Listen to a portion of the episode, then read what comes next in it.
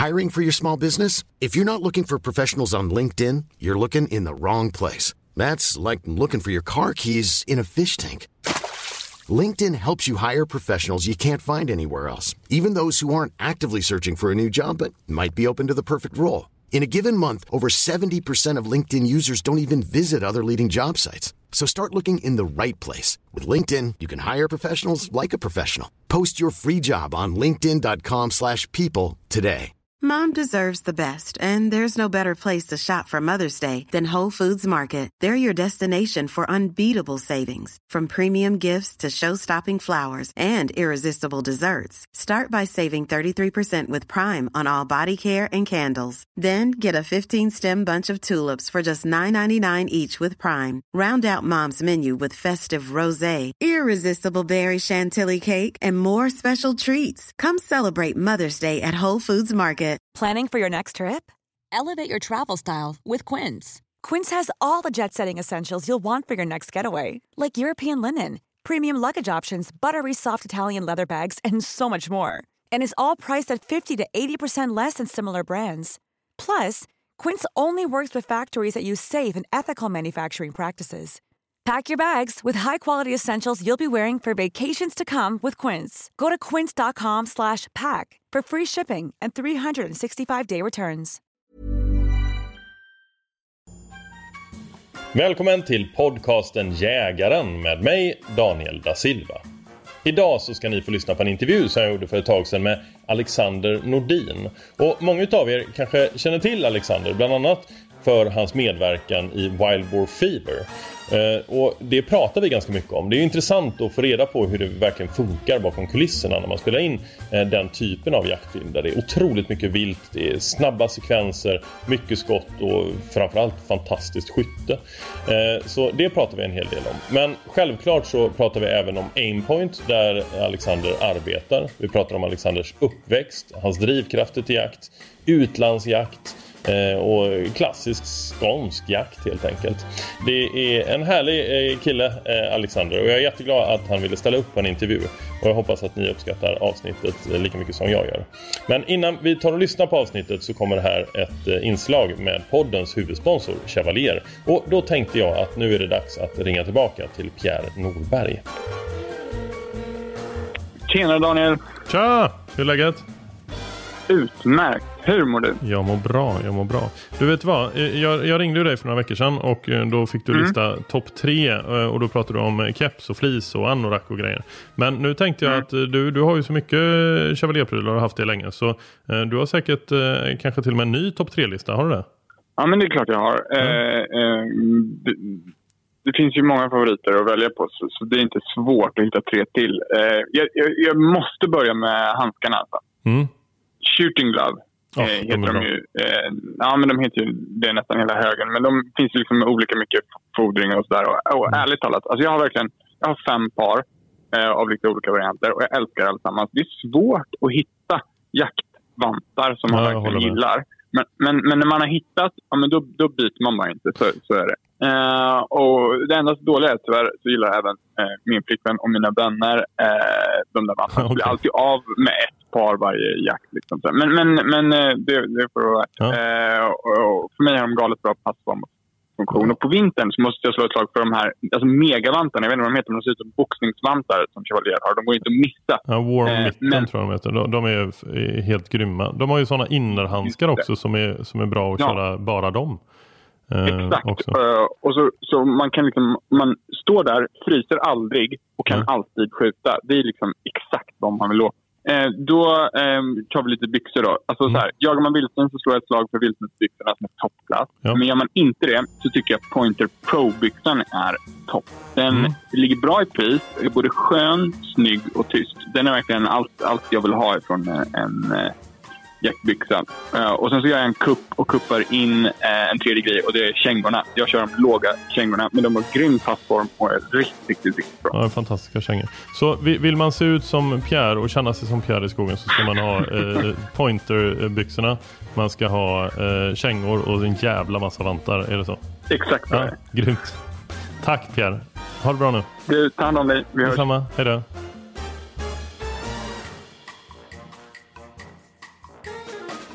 Ja, då sitter jag så här med Alexander. Välkommen hit. Tack så mycket. Hur mår du? Bra tack. Ja, vad härligt. Eh, jag är jätteglad för att få träffa dig. Vi kommer att prata om dig, eh, din jakt, eh, din bakgrund, drivkrafter till jakt men också om Aimpoint såklart. Som jag, ett varumärke som jag själv är imponerad över. Helt svenskt och världsledande på många sätt. Men om vi tittar på dig. Många kanske har sett dig i till exempel Wild Boar Fever. Ja, jag har haft förmånen att göra några framträdanden där i den filmserien. Hur, hur startade intresset för dig? Jag vet att du eh, var du ute på din första jakt när du var 12 eller vad sa du? Ja, min farfar och min pappa har varit jägare i många, många år och eh, de tyckte att jag var mogen nog runt 12. Mm. Eh, så då följde jag med ut i skogarna här i Skåne. Eh, sen sköt jag mitt första vilt faktiskt nere i Afrika. Um, det, det, är lite ovanligt. Det är lite ovanligt, jag är nog benägen att hålla med Men det var, vi, vi hade väl bokat en sju eller tio dagars safari där, uh, pappa, farfar och våra familjer. Så efter några dagar så kom ProHuntern och tyckte att uh, grabben är nog mogen för att uh, jaga lite. Mm. Så om han ville skjuta mer vilt och få mer betalt eller om han faktiskt tyckte det, det återstår väl att, se. Men vi, vi började på burkar och sen så gick vi vidare på någon form av litet djur som kom upp ur marken. Jag är faktiskt inte säker på vad det är, med 22 Och jag prickade ett gäng sådana. Så efter det så sa han, nu ska vi gå och jaga Blue Wilderbeest. Så det låter rimligt tyckte jag och pappa. Men, men, men, stanna där lite. Det de där smådjuren som du sköt med 22 Du vet inte ens vad det var? Liknande ekorre. Ah, okay. Detta är många år sedan nu. Jag, inte, jag tror det var någon form av jordekorre kanske. Ah. Och efter det så blev det då GNU, eh, Blue Wilderbeest som det heter stor som en liten älg typ. Ja. Eh, väldigt, väldigt udda början. Total blackout. Eh, från att jag trycker av till att jag sitter bakom djuret. Är, ju, det är säkert 5, 6, 7 minuter. Minns ingenting. Det är helt svart. Ja. Men efter det så rakt hem, fick tag i böckerna till den svenska jägarexamen. Mm. Och sen eh, hade jag det inom ett år. Ja. Och sen fick jag då vänta, vad blir det, två, tre år till. Eh, innan jag fick ha mina egna vapen då. Men, eh, ja, men jag åkte faktiskt på min första jaktresa två dagar efter jag fyllde 18. Mm. Eh, med eget vapen och så. Så jag var helt hooked. Alltså det var tunnelseende på jakt. Och nu jobbar du med jakt? Nu inom branschen får man väl ja. säga. Eh, inom, inom jaktbranschen. Men visst gör jag det. Mm. Och det är, ja, det är ett stort intresse och det är lika kul nu som för 15 år sedan. Och din, har du jagat mycket med din pappa då? Väldigt mycket. Mm. Och min farfar också fortfarande. Han är 83 nu. Ja. Så det är stort. Det, det, kan jag inte förneka. Det är ju fantastiskt att kunna göra det i, i tre generationer. Så sista vi gjorde nu innan eh, covid kom så var vi alla tre på en bäverjakt tillsammans. Um, så det, det var riktigt fräckt alltså. Var var ni då någonstans? Eh, Västerås, strax ja. utanför Västerås. För ni har inte bäver här nere va? Jag har inte sett någon nu i alla Nej. fall, men eh, vi får leta vidare. Ja. men då var vi utanför Västerås och ja. Eh, de hade aldrig varit på dina, så det var kul att kunna ta med dem på det. Jag har jagat lite bäver. Jag tycker det är en eh, häftig eh, jaktform magiskt alltså. Ja. Riktigt trevlig jaktform. Ja, fint, fint. Men om vi går tillbaka när du var sådär, du kom hem från Afrika, du började läsa direkt eh, och sådär. Vad var det du kände då? Var, varför eh, blev, fick du ett sånt intresse tror du? Bra fråga. Det är ju det är ju oerhört spännande att jaga, det kan man inte komma ifrån. Vare sig det är en pyrsch eller drevjakt eller fågeljakt så är det ju spännande. Men jag tror nog ändå att det var hela grejen med att kunna få hänga med pappa och farfar och göra det de gillar mest. Mm. Eh, så egentligen bara tur att, eh, att det blev samma sak för mig. Det kunde blivit gokart eller hästar eller vad som helst. Men, mm. men jakten är något speciellt. Alltså. Att ha det med dem är mm. stort. Och är ni med i samma lag nu fortfarande? Ja, vi är med i samma jaktlag, eh, eller ett och sen så är vi med på andra håll också. Men vi alla är med i ett. Det var där vi började då. När jag var 12 och vi är med fortfarande. Vad, vad föredrar du mest? Vilka är liksom dina favoritjaktformer? Eller Alltså en bra drevjakt slår ju det mesta, mm. men en, en bra pyrsch är ju mer mano a mano mot viltet på något sätt. Jag kan nöja mig med en alltså rävlock, får jag så mycket puls så att uh, mm. det är helt galet. Sen är det lite vad man är ute efter, men ja, bredden. Jag var bredden, men annars pyrsch ett djur är något speciellt, det måste jag säga. Mm. Ett utvalt djur, vare sig det är en bock eller en skovel eller ett, en, kan vara en kalv också. Men, uh, just någonting man har följt också tycker jag är speciellt. Om man tar en bock som mm. är väldigt vanligt här i Skåne. Att man hittar den och sen så bestämmer sig att ja, men det här året så är den mogen. Det står högt i kurs alltså. Mm. då vill det ju till att man har marker och att man har ganska stora marker. Eh, för att hoppas då att reviret liksom täcks inom ens egna marker. Där, eh, jag hade en väldigt, väldigt fin bock i somras, men precis som du nämner så han trivdes lite bättre hos grannen, men han var inne hos oss ibland. Men han lever fortfarande. Vi, eh, ingen av oss sköt honom och han, han blir nog riktigt fin ja. ja. Hoppas jag, om han inte pikar i fjol. Om han pikar i fjol, är det honom ni kommer liksom... Ja, då ska han ju skjutas absolut, om ja. han har gått över sin, sin peak. Men det är ju, det kommer kännas väldigt speciellt om jag kommer till skott på honom, för det har lagt så många timmar så att det är helt galet. Tycker du man ser det tydligt när de går över sin peak, när de börjar att, uh, att bli returare? Jag är nog tyvärr inte så duktig på box som jag skulle vilja vara. Men jag är omringad av människor som är oerhört duktiga. Så jag försöker fota dem och så skicka bilder till dem och få lite input. Så ja. Jag vet ju man måste kolla hals och huvud och horn och allting med det. Men just uh, där är det folk som är bättre på det. Så då får ja. de konsulta lite. Ja, ja, visst. Och idag då när du, när du jagar, vad, vad känner du är liksom din största drivkraft då? Varför håller du på med detta? Fortfarande att det är spännande, tycker jag verkligen. Mm. Sen har det nog kommit mer och mer till ett, eh, som jag nämnde, jag började jaga relativt tidigt. Eh, mm. Alltså först vid 12 och sen först ut vid 15 och sen då egna vapen vid 18 såklart. Men då var jag jag och pappa var yngst i det jaktlaget efter mig. Okay. Och sen kom det ett gäng efter det. Nu är vi tio pers liksom i 25-30-årsåldern som har kommit igång, eh, fått egna marker. Det är egentligen i år det har lossnat. Så vi har egna marker och kan jaga så som vi vill. Och det är inte, eh, ja, för att prata för Skåne som jag bor i då, det är inte gratis att jaga i Skåne. Eh, det är mycket folk om det eh, på få marker. Det är inte ett stort län. Och vi har danskar som gärna är med på arenden också. Så att, eh, men just kunna göra det med kompisar och ha det kul. Liksom. Och även efteråt och kunna laga mat tillsammans och äta det. Och, mm och allting. Hela helheten liksom. Ja. Det är en livsstil, från bilar till kläder till allt. Liksom. Det. Jag tror att många, eh, när man väl börjar jaga, eh, som kommer in i ett bra lag, eh, uppskattar väldigt mycket just den här gemenskapen. Det, det, är så otroligt häftigt att umgås och omges av människor som har samma intresse eh, som en själv. Eh, då spelar det ingen roll hur gammal man är. Eh, eller, eller någonting. Eh, liksom, ingenting sånt spelar någon roll utan det är att man har ett gemensamt intresse. Och mm, I de här samtalen, alltså, man kan ju sitta, är man på en jaktresa i, i, fem dagar, det enda man pratar om är ju jakt. Det är ju helt sjukt. Det kan ju vara sådär efter fem dagar, bara, vad fan jobbar du med förresten? eller hur? Det är sant. Ja. ja men är, ja, men du jag skulle lätt kunna sitta och snacka i fem timmar ja, ja. utan att ens veta om, jag skulle inte veta om Nej. du har barn. Nej, jag, jag har missat fråga dig. Liksom. Helt irrelevant. men det ligger något i det. Um, det får jag väl säga, det just att kunna hänga med likasinnade. Ja. Um, och sen att det har blivit jakt, det är väl kan, tillfällighet, men jag, det, jag trivs väldigt bra med det. Mm. Uh, och som sagt, jag tycker det är en livsstil. Man anpassar mycket av ja, mitt boende. Jag har liksom köpt hus och garage, det betyder jättemycket för då kan man ha djur där och frysbox och allt vad det innebär. Liksom. Ja. Och bilar och kläder. Och, jag tycker, ja, helheten. Mm.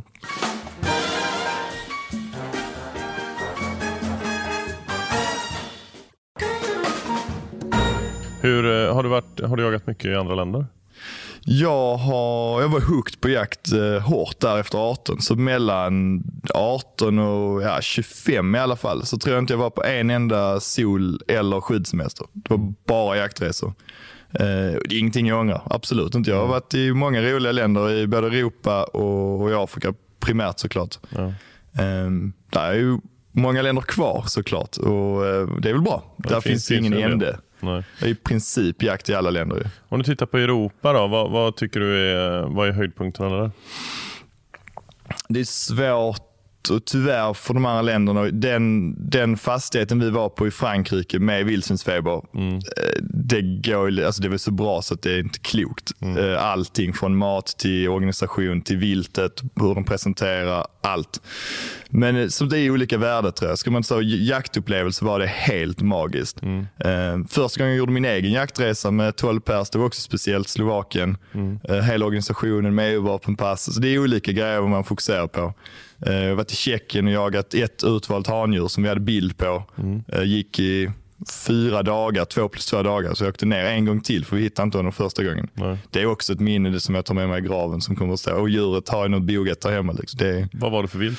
Ett mufflonfår. Ja. Eh, magisk jakt. Ja. Fräckt vilt. Hur, hur gick eh, den liksom, jakt, jakten till? Vi, ja, man åt frukost tidigt, tidig morgon, eller natt i princip. Eh, och sen så pyrschade man tills man hittade en grupp, letade efter det här handjuret. Eh, var han inte där så fick man pyrscha vidare och vidare och vidare. Så hela första resan bara gick vi gick. Jag tror faktiskt inte vi sköt ett enda vilt.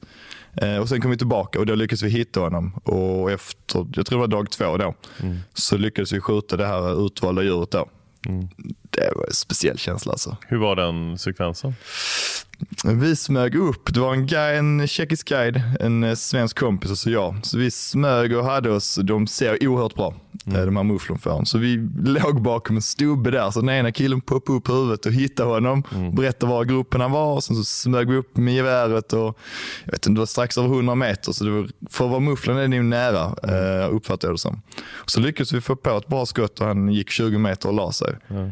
Det är nästan blackout där också. Alltså när du har, det blir så mycket adrenalin när du har dels att det är folk med dig, det är en, en aspekt på det. Och sen har jagat honom så länge.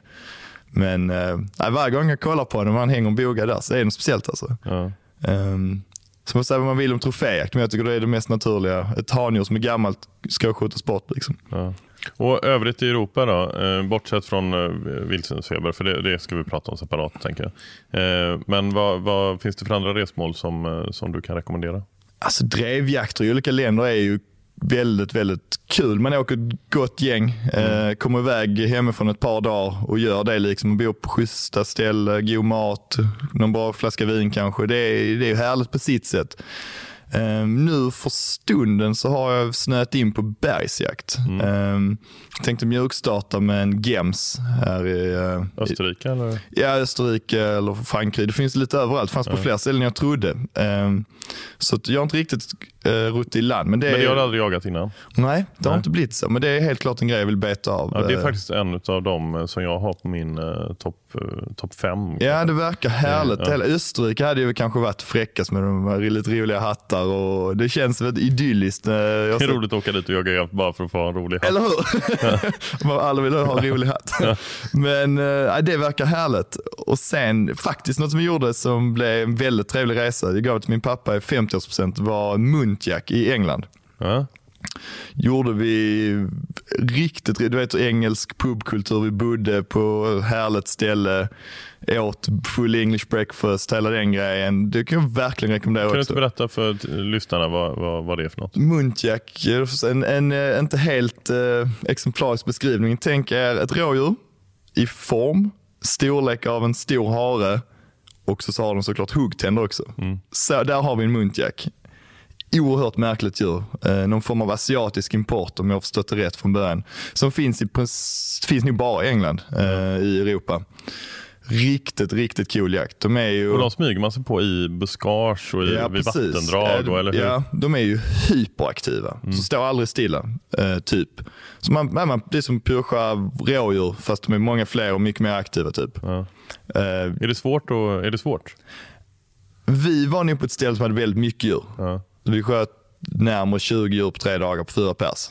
Men det kan jag verkligen rekommendera. Så hittar man en, eh, en eh, outfitter som håller på med det som inte tar hutlöst betalt så är det en riktigt, riktigt eh, trevlig jaktform också. Och de här huggtänderna har de för att gräva med typ? Eller? Ja, det är nog som vildsvinen betar har de till att, precis, ja, mm. de bet, eller vad bökar upp rötter, ja. gräsrötter och motsvarande. Ja, för det ser nästan ut, jag har sett eh, någon sån, eh, alltså något helmontage på en. Och eh, Det ser nästan ut som att det är en konservator som har satt ihop olika små djur. Lite så, ja. man kan säga på mässor. De har gjort en ja. mixmatch. Men eh, nej, de ser ut så och de är supercoola.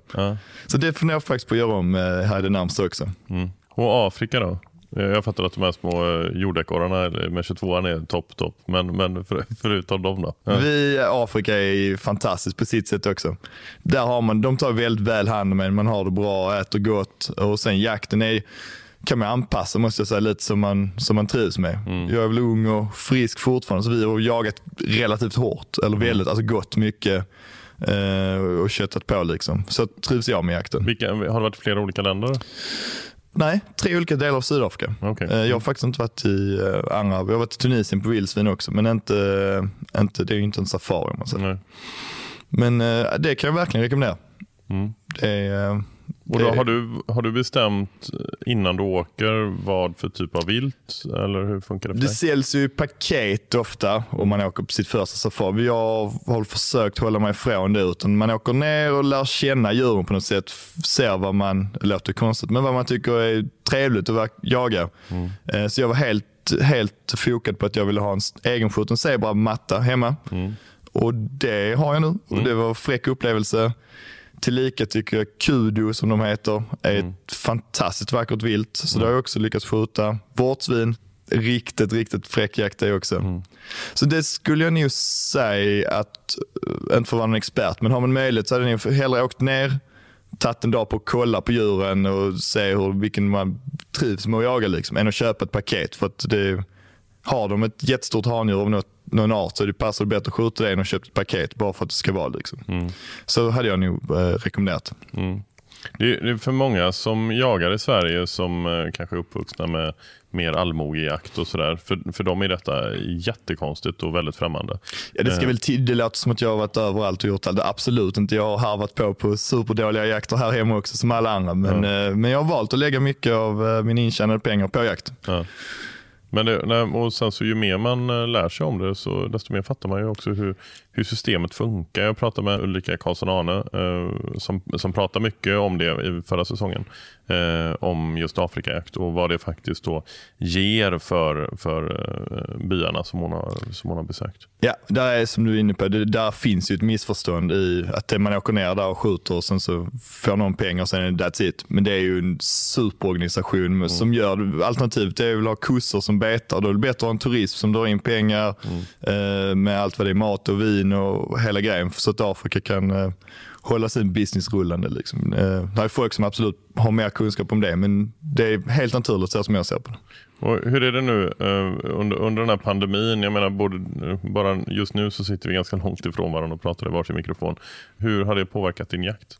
Sverige har ju varit väldigt öppet om man kollar på, jag pratar med mycket vänner ute i Europa som jag via jobbet och de har ju, har varit många länder inte fått resa längre än en timme eller två timmar och du ska vara hemma en viss tid. Jag har jagat väldigt, väldigt mycket mer hemma bara. Mm. Det är inget fel i det alls. Nej. Men jag hade ju inte tackat nej till att åka till något annat land och, och uppleva en annan jaktform. Mm. Eh, och mycket jakt som har blivit cancellerade såklart. Mm. Men eh, ja, nej, jag eh, klagar inte. Jag har haft en bra, bra säsong ändå tycker jag. Mm. Vi ska alldeles strax prata om vildsvinsfeber. Eh, för det tycker jag, är, jag har tittat på allt och jag tycker det, ja, men det har varit kul att veta lite grann hur det funkar och hur det känns på plats och sådär. Men, men om vi pratar lite grann om ditt jobb. Du jobbar ju på Aimpoint. Stämmer. Jag jobbar som, eller jag har jobbat som ansvarig för Sverige i sju år. Mm. Nu har jag fått nytt jobb som 1 januari. Så jag kommer jobba som försäljningschef för det teamet som vi kallar för kommersiell försäljning. Mm. Så det är all jakt och sportskytte. Mm. Sen har vi ett annat försäljningsteam som ansvarar för polis och militär, mm. som är ett annat ben. Vad skiljer sig mest i produkterna?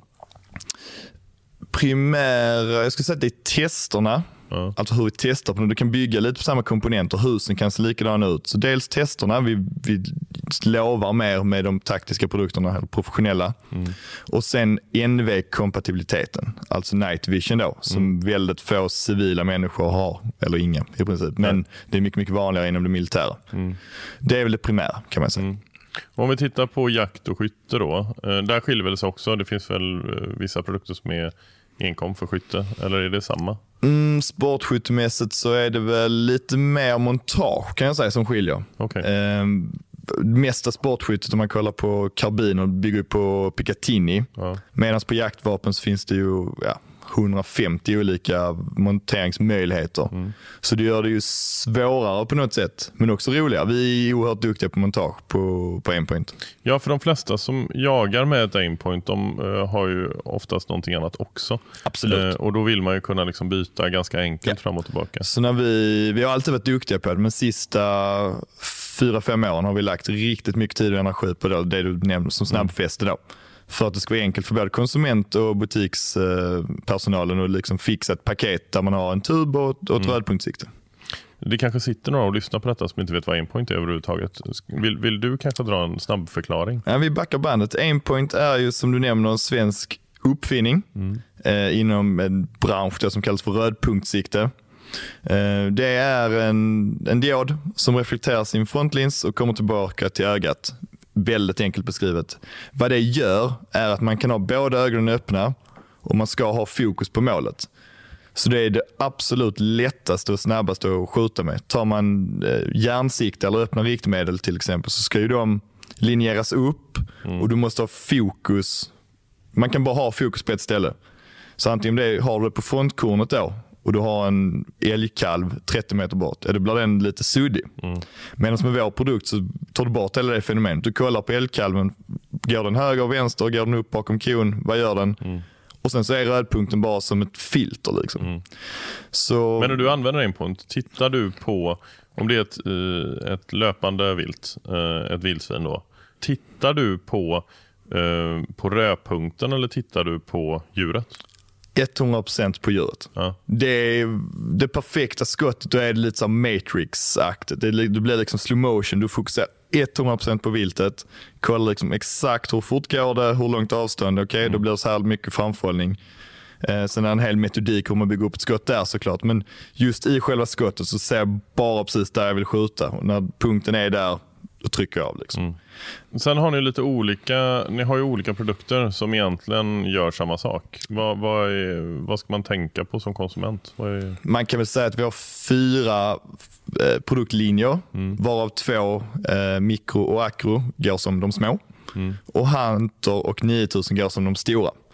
Så är man intresserad av att ha ett klassiskt eh, ringmontage, eh, om vissa vapen kräver det helt enkelt, då är det ju Hunter eller 9000 mm. som då är med två ringar, helt klassiskt montage som ett kikarsikte. Medan lite mer innovativa och moderna prylar är då mikro och akro. Mm. Och ja, där är nog mer än 80-20, men, eh, men 80% eh, plus är på de små siktena. Mm. Men det är inte rätt och fel, det är tyck och smak. Men Sverige ligger väldigt långt fram. Kollar man på en genomsnittlig jaktgarderob så är den väldigt, väldigt fin i, i vapenväg. Ja. Eh, dels för att vi bara får ha eh, sex vapen vanligtvis och då, då får man optimera de man har. Mm. Um, så jag skulle säga att eh, de små där med, med ett tillhörande snabbfäste, är, det är det vi är bäst på. Och, och hur har utvecklingen gått för er? Jag vet att ni startade 75. Den typen av produkt som ni hade 75 har ni ju inte längre. Både och. Den är ju, det är en röd punkt mellan två linser. Ja. Eh, sen eh, har ju batteritiden ökat med typ 100 000 procent eller mer. eh, produkterna har blivit mindre, mm. bättre hållbara och bättre fäste såklart. Mm. Men annars är det väldigt, väldigt likt. Det man kan nämna, eh, jag började på Aimpoint för över sju år sedan. Mm. Då hade vi ju en försäljning som gick 99,9% till kula eller studsare då inom min, mm. för, inom mitt försäljningsområde. Nu har vi S1 som är en hagelprodukt. Mm.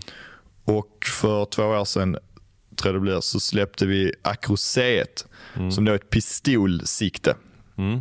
Så det som har hänt med, med mitt jobb och de eventen vi gör är att det har gått från bara studsare eller kula då, till att både hagel och pistol. Mm. Så vi har breddat upp eh, försäljningsområdet och det är väldigt, väldigt kul. Mm. Produkten är samma, mm. men vi modifierar den efter olika vapenplattformar.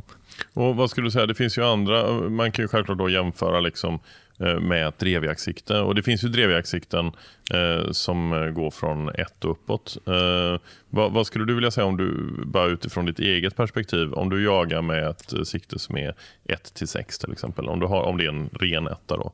Eh, vad, hur känner du i skillnad på ett aimpoint-sikte Eh, och en ren etta. Nu jag vill bara, vi är riktigt nördar här, men vi, vi kallar det för lågförstående kikarsikte. Vi klassar också in som ett drevjaktssikte. Ja. För gemene man säger som du, men jag, ja. jag nämner det. Eh, den stora skillnaden är ju att du har fortfarande förstoring. Ja. Så det som kallas för en eyebox, om du tänker dig att du har bakre okularet och sen så gör du en, en låda bakom där. Så länge ögat är inom den mm. så har du full bild. Har du inte det så har du den här klassiska halvmånen som dyker upp, upp ner, höger, vänster eller vad det nu må vara. Det kommer du aldrig ifrån. Även om det är världens finaste ett, eller mm. äkta etta och CC-läge och allt vad de kallar det, så har du fortfarande det som då kallas för en iBox. Det har du inte med vår produkt, utan där punkten är, där tar skottet. Mm. Rör du dig sidled med kikarsikte så har du en parallaxavdrift. Mm. Eh, sen om den är liten eller stor, det, det kan kvitta, men den är där. Mm. Så det är primära skillnaden i fokus och båda ögonen öppna. Att enkelheten och snabbheten i vår produkt. Och eh, sen Det kan jag tala för mig själv men det, snittskotten är ju väldigt, väldigt korta eh, på en drevjakt. Det skjuts inte mycket djur över 50 meter. Men, eh, Hur är det för dig då på drevjakt? Eh, Vad, vad, vad, vad brukar du sätta för... Sätter du begränsningar på avstånd? Eller, eh, när, hur, hur långt känner du dig trygg med ett aimpoint-sikte? Det beror ju såklart på passets utformning och vilket vilt skiljer på en årsgris och en kronkalv. Men eh, säg, absolut inte över 80 meter på friska djur. Det skulle jag väldigt sällan ta skott på. Eh, och det ska tilläggas, det är ju mycket, mycket roligare att skjuta någonting på 20, 30, 35 meter. Du får liksom en känsla, du hör ljudet från klövarna helt annorlunda. Så får jag välja så skjuter jag mellan 10 och 30 mycket, mycket hellre än mellan 50 och 70. Alla dagar i veckan. Eh, Det blir helt annorlunda och då, då är mycket högre sannolikhet att hinna med en dubblé om det nu presenteras två skjutbara vilt. Och, Så det är väl mitt svar på det. Man behöver inte göra svårare än vad det är. Nej. Så att, eh, försöka vara smart och, och preppa passet så gott det går. Kan du bryta en kvist eller flytta ett löv eller jag har alltid min, min handkikare med avståndsmätare med mig så jag har satt ett par punkter. Eh, det gör stor skillnad. Tror du att det är 30 men det är 50 då sitter inte det skottet så bra troligtvis. Så allt man kan göra för att göra passet liksom väl genomgånget och genomtänkt är, är nog väl investerad tid. Har ni tankar på att hitta någon produkt som är som er idag men som har möjlighet till någon form av förstoring? Jag svarar nog som eh, En politiker? Nej, Nej. Ja, nästan. Som Ja. vår, jag skulle säga som vår vd sa till mig dag typ tre på jobbet Ja. för många, många år sedan. Han sa så här, det är nog bäst att vara allra, allra bäst på det vi gör istället för att vara hyfsat bra på någonting annat. För jag var så, jag kom in sprallig och glad och sa nu ska vi ta över världen här. Vi gör detta och detta och detta. Så nej, vi gör rödpunkt. Vi har gjort det, då hade vi gjort det i 41 år, nu har vi gjort det över 45. Ehm, och det ligger någonting i det. Ju mer jag har jobbat inom bolaget, rätt skönt att vara bäst på det man gör. Ja. Tycker jag och vi. Ja. Jag och många, med, och många med oss ska tilläggas. Eh, vi har såklart kollegor i branschen som är superduktiga också. Men vi, vi är riktigt, riktigt bra på det vi gör.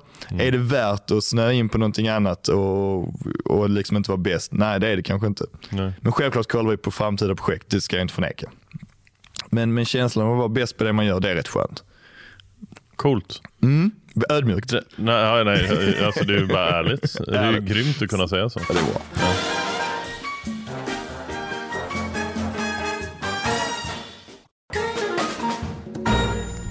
Jag känner att jag måste få prata lite grann om vildsvinsfeber också. Eh, Wild Boar Fever har ju många sett, många säsonger. Du har varit med.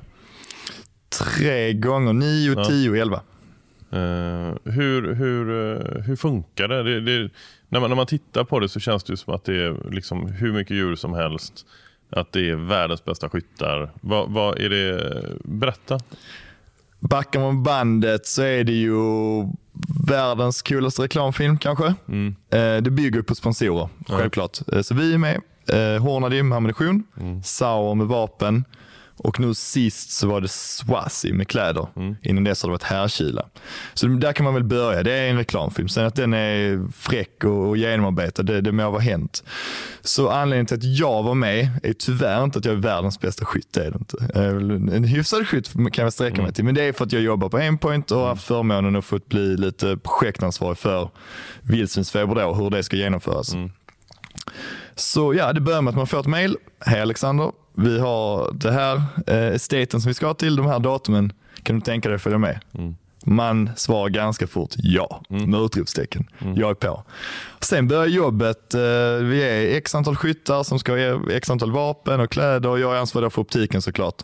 Så man ringer upp eh, dem och kollar vad de Ja, vi presenterar väl, skulle du kunna tänka dig att skjuta med den här produkten? Ja.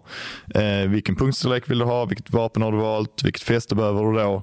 Så lite organisation bakom det. Sen, så, sen är det mycket förberedelser. Man åker inte ner dit ringrostig utan man gör, man gör sina timmar på skjutbanan.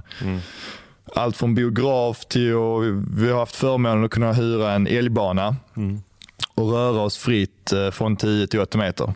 Det är ju supernytt. Och så bytte vi ut älgen då till, eh, till vildsvin i höger och vänstergående riktning. Det, det har varit supernyttigt. Precis som vi var inne på innan, alltså ett skott från låt säga 30 till 50 meter eller 60 meter ännu mer är oerhört mycket skillnad i framförhållning. Mm. Ja, för ni, du, ni skjuter hellre lite längre fram va? Ja, vildsvin är ju tacksamma. Det kan vi ju nämna som ett ämne. Alltså, vildsvin är ju oerhört tacksamma att skjuta på springande mm. för att de har sitt huvud framåt. Mm. Kontra ett hjortdjur som har huvudet uppåt. Mm. Så är du eh, framförhållningsmässigt så pass långt fram så att du är utanför kroppen, då refererar du med ögonen mot ingenting. Ja. För efter kroppen på en dovhjort finns ingenting. Medan på vildsvin så har du först har du käke, sen så har du öga och sen så har du alltså du, ja. Den har liksom olika steg framåt som ja. du inte har på ett hjortdjur. Så på så vis är vildsvin mycket, mycket lättare att skjuta mot ja. löpande. Och där får man ju eh, nörda ner sig och, och träna tills man känner sig trygg i det.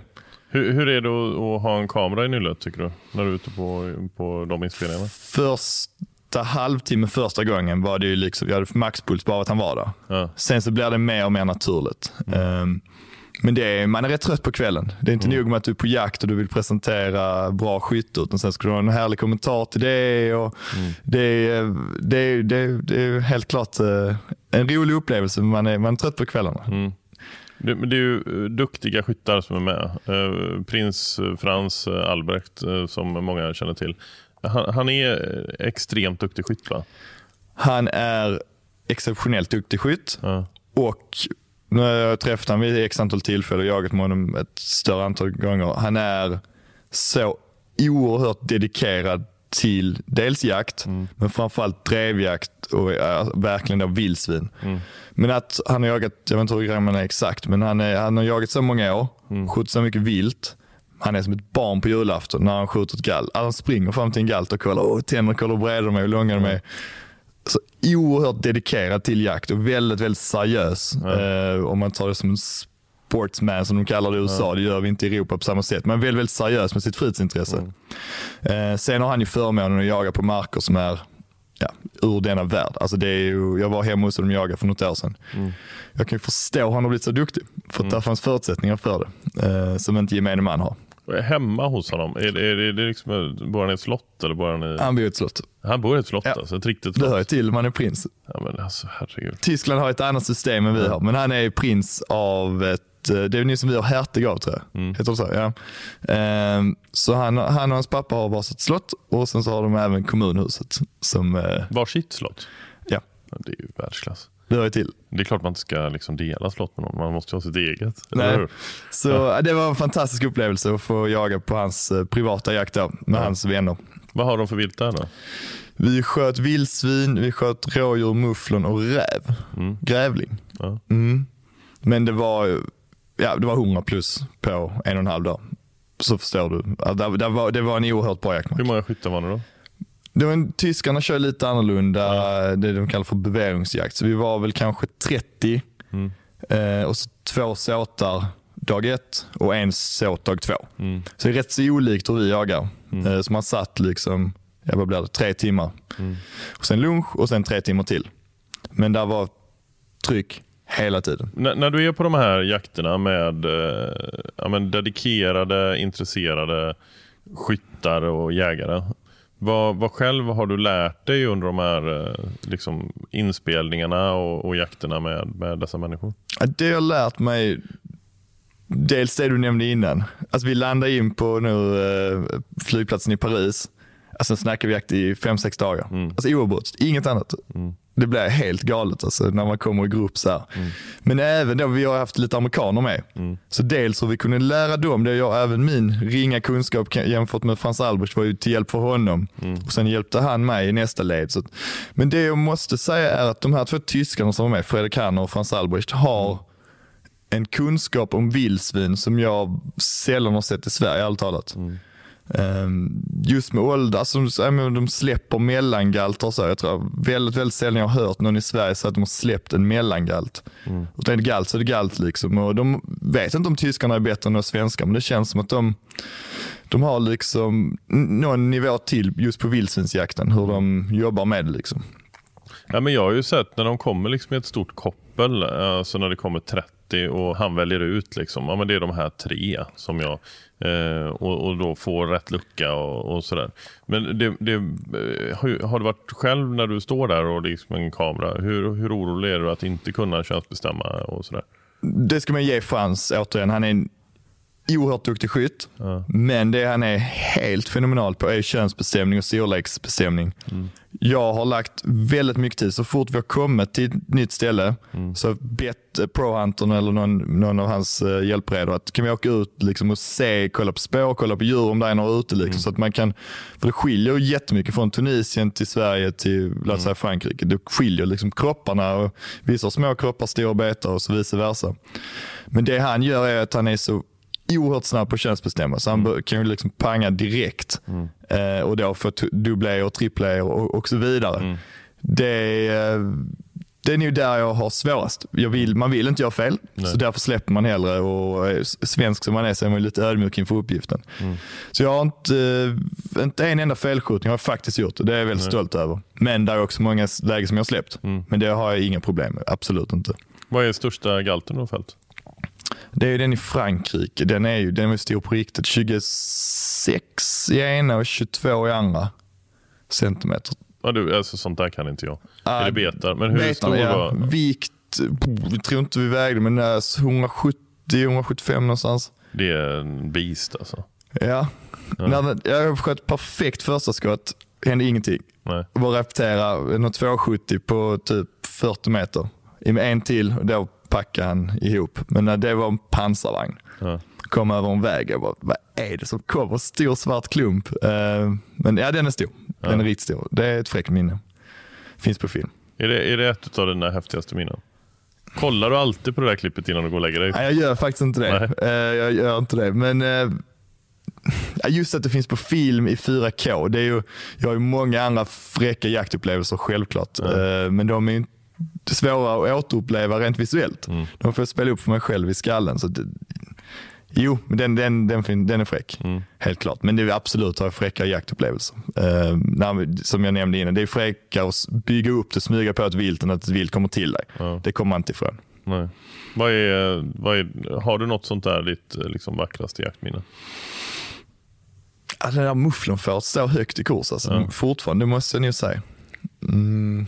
Och mitt första vilt, då, det här, eh, eller första klövvilt, det här eh, gnu nere i Afrika. Mm. När pappa och farfar är bakom och prohunter. Alltså det är så många nivåer av eh, coola grejer. Så ja. Synd bara att jag inte minns de här, helt total blackout. Ja. Tills vi tar den trofébilden där som jag har. Det, det hade väl varit kul. Det finns på film. Ja. Jag bara går runt och svamlar. Jag är helt... Det är, ja, det är mycket puls. Jag vet inte hur hög puls man kan ha, men det var nog nära max. Alltså. Nej men det händer någonting. Alla är ju olika där också. Jag har ju pratat med många människor i podden men också utanför podden såklart. Men just det här att folk fungerar så olika. Vissa får ju väldigt hög puls vid skottögonblicket vilket gör att de nästan inte kan skjuta. Jag blir ganska lugn då. Eh, det har funnits tillfällen när jag har väldigt gott om tid på mig. Eh, om man till exempel har det står, eh, om man är ute efter en box som är på för långt håll och så kommer den närmare och närmare och så väntar man in eh, så att man verkligen har tid eller om det är dov likadant. Eh, då, då kan det vara så att jag liksom får lugna mig så att jag är lugn vid skottet. Men, men annars om det går liksom halvsnabbt sådär, då känner jag mig ganska lugn. och sen, men efter skottet, ja. då får jag sån Alltså det är någon blandning av adrenalin och ångest som är, eh, det är, det är helt sjukt alltså. Ja, men där har du, det som du nämner, drevjakt är ju fördelaktigt att då hinner du ofta inte få puls. Nej. Utan när du har skjutit och du ligger där, du håller på att skaka av tornet. Ja. Medan pyrsch, jag hade själv en bock för två år sedan, jag, silverbock som jag hade följt länge, länge, länge.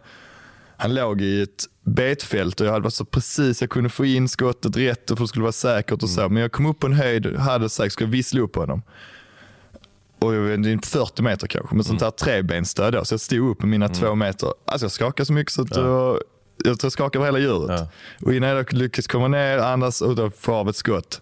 Så jag skakade så mycket jag kunde knappt gå fram. Ja. Då är nog, jag vet inte hur mycket bock jag skjuter, men det är alltså ett bra gäng. Det här ja. blev helt galet alltså. Ja men det är sjukt. Men vad, Vilket man är väldigt tacksam för. Jag ska säga så här, hade jag skjutit den och inte känt någonting, Nej. då får man ju börja hoppa fallskärm utanför. Alltså då måste man ha annan som får en kick av. Men det är jag väldigt glad att fast man har jagat så pass mycket trots man ringer åldern då, så att man har kvar den där kicken. Liksom. Ja men det är ju på allvar. Alltså det är ju, för det handlar det är- om liv och död. Och du, du vill rätt. inte liksom eh, du vill absolut inte skada eh, viltet. Eh, och du, en stor anledning för mig också är liksom omgivningen runt omkring.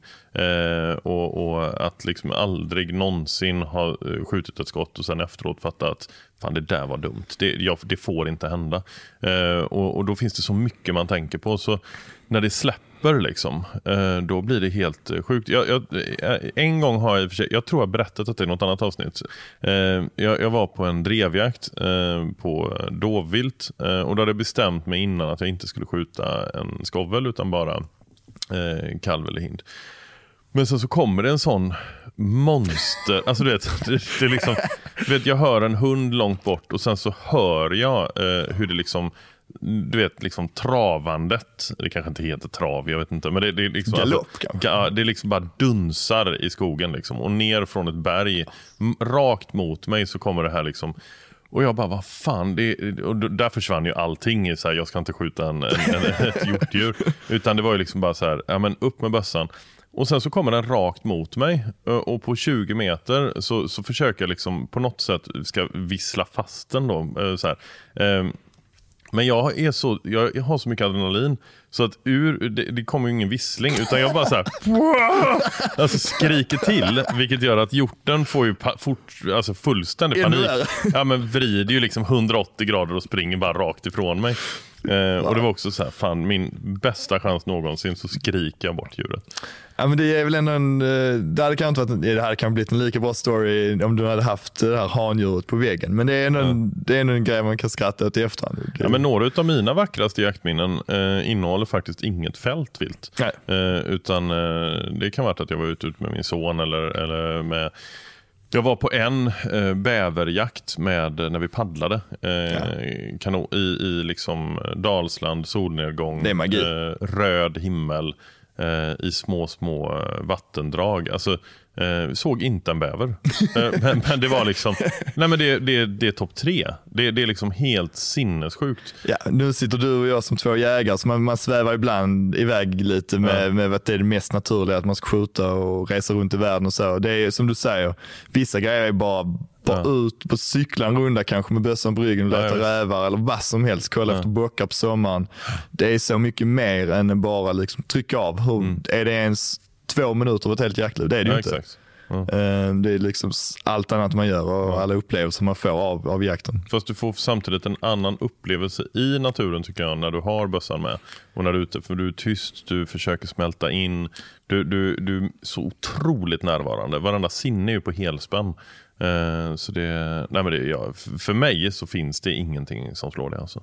Ja, Jag ser verkligen fram, eh, nu löste man väl in studsaren här ett tag framöver, det blir lite lärd och så, men just bockinventeringen tycker jag är jäkligt rolig. Det är, det är också jakt, om man har kamera eller om man bara kollar visuellt med ankikare. Men det ger mig nästan lika mycket nu efter några år. Jag hade inte sagt det när jag var 18 och hade haft bössan i två veckor. Det, det får jag väl vara ärlig och säga. Men jag har landat lite i att det är lika kul. Liksom, och, och just logga dem och hålla koll på dem och Ja. lära känna dem lite.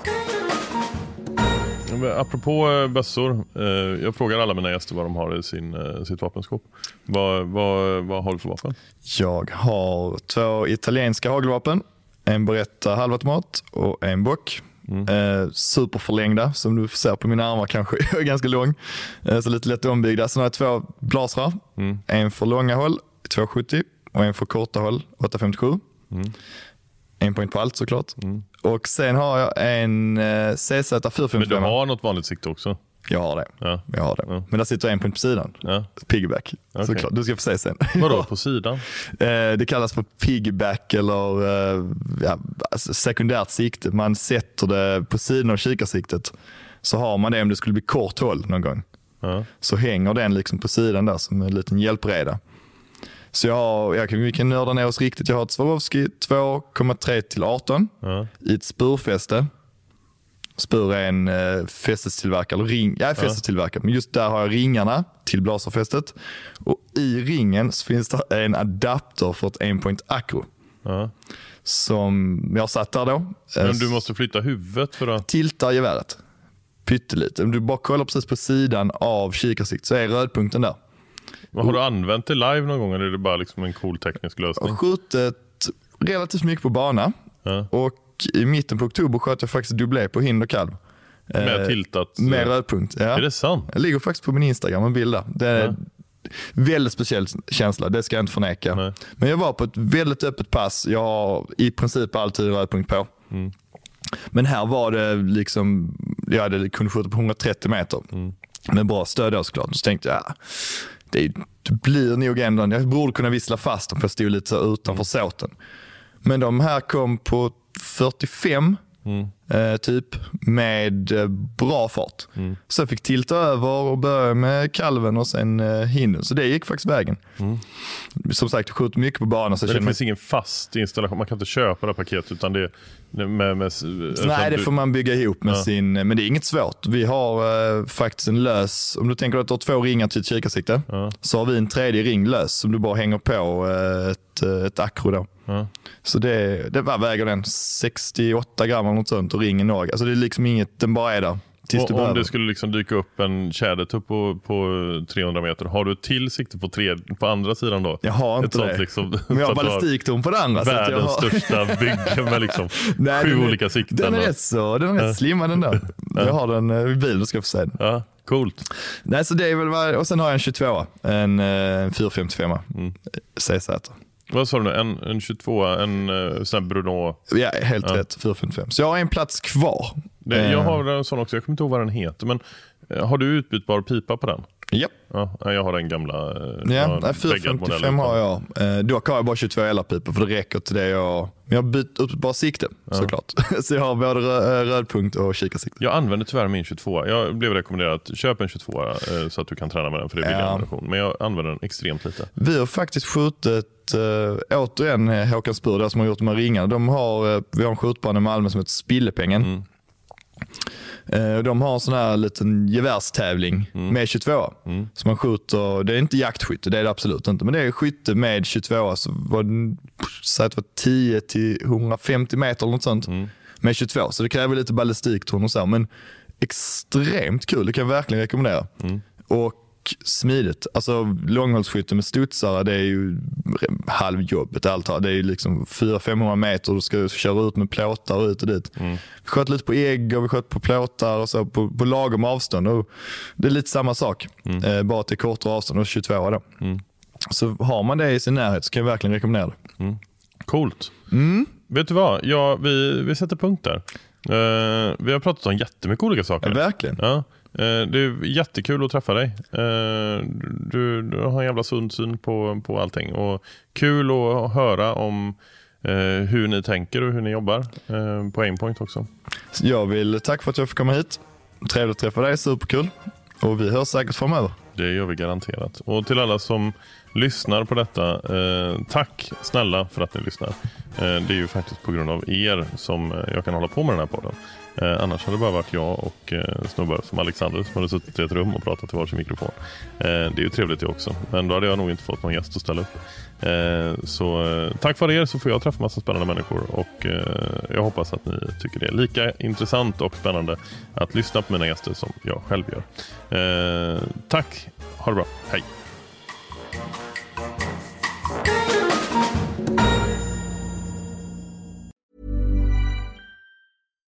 Why don't more infant formula companies use organic, grass fed whole milk instead of skim? Why don't more infant formula companies use the latest breast milk science? Why don't more infant formula companies run their own clinical trials? Why don't more infant formula companies use more of the proteins found in breast milk? Why don't more infant formula companies have their own factories instead of outsourcing their manufacturing? We wondered the same thing. So we made ByHeart, a better formula for formula. Learn more at byheart.com. Mom deserves the best, and there's no better place to shop for Mother's Day than Whole Foods Market. They're your destination for unbeatable savings, from premium gifts to show-stopping flowers and irresistible desserts. Start by saving 33% with Prime on all body care and candles. Then get a 15-stem bunch of tulips for just $9.99 each with Prime. Round out Mom's menu with festive rosé, irresistible berry chantilly cake, and more special treats. Come celebrate Mother's Day at Whole Foods Market. Planning for your next trip? Elevate your travel style with Quince. Quince has all the jet setting essentials you'll want for your next getaway, like European linen, premium luggage options, buttery soft Italian leather bags, and so much more. And is all priced at 50 to 80% less than similar brands. Plus, Quince only works with factories that use safe and ethical manufacturing practices. Pack your bags with high-quality essentials you'll be wearing for vacations to come with Quince. Go to quince.com/pack for free shipping and 365-day returns.